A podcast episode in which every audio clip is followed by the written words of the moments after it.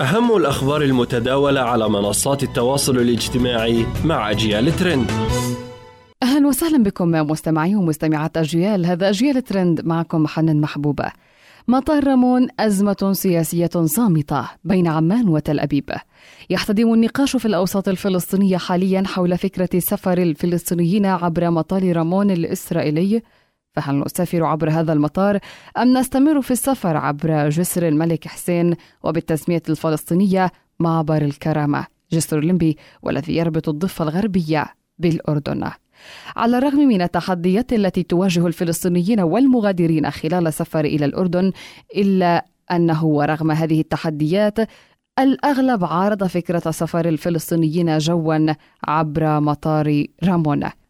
عدد لا بأس به من الفلسطينيين يسافرون عبر مطار بنغوريون ولعل قائل يقول إنه لماذا الآن يطرح هذا الموضوع؟ وإنه لا فرق بين المطارين ما دام بعضنا يستخدم المطارات الإسرائيلية منذ سنوات ولم نعترض.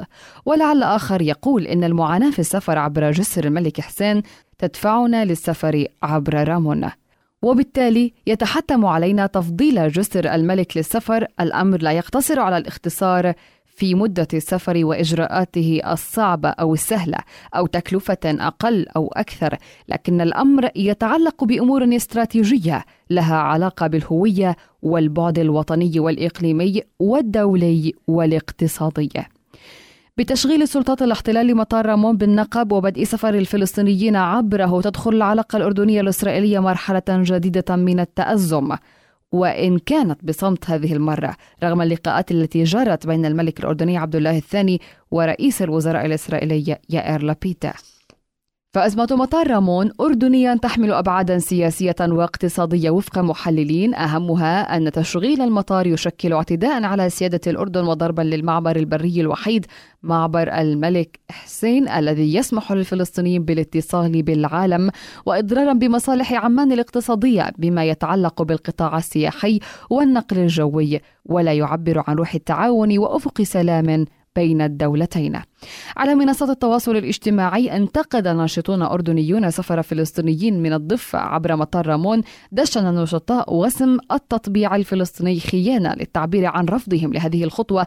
وغرد نشطاء على وسم مطار رامون رافضين أي تعاون مع الاحتلال.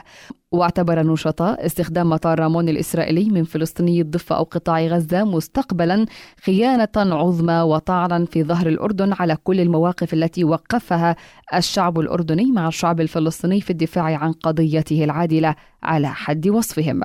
يرى محللون أن مما ساهم في تشغيل المطار حالة التقارب بين الجانب الإسرائيلي والتركي وذوبان الخلافات بين البلدين وتطور العلاقات الدبلوماسية بينهما.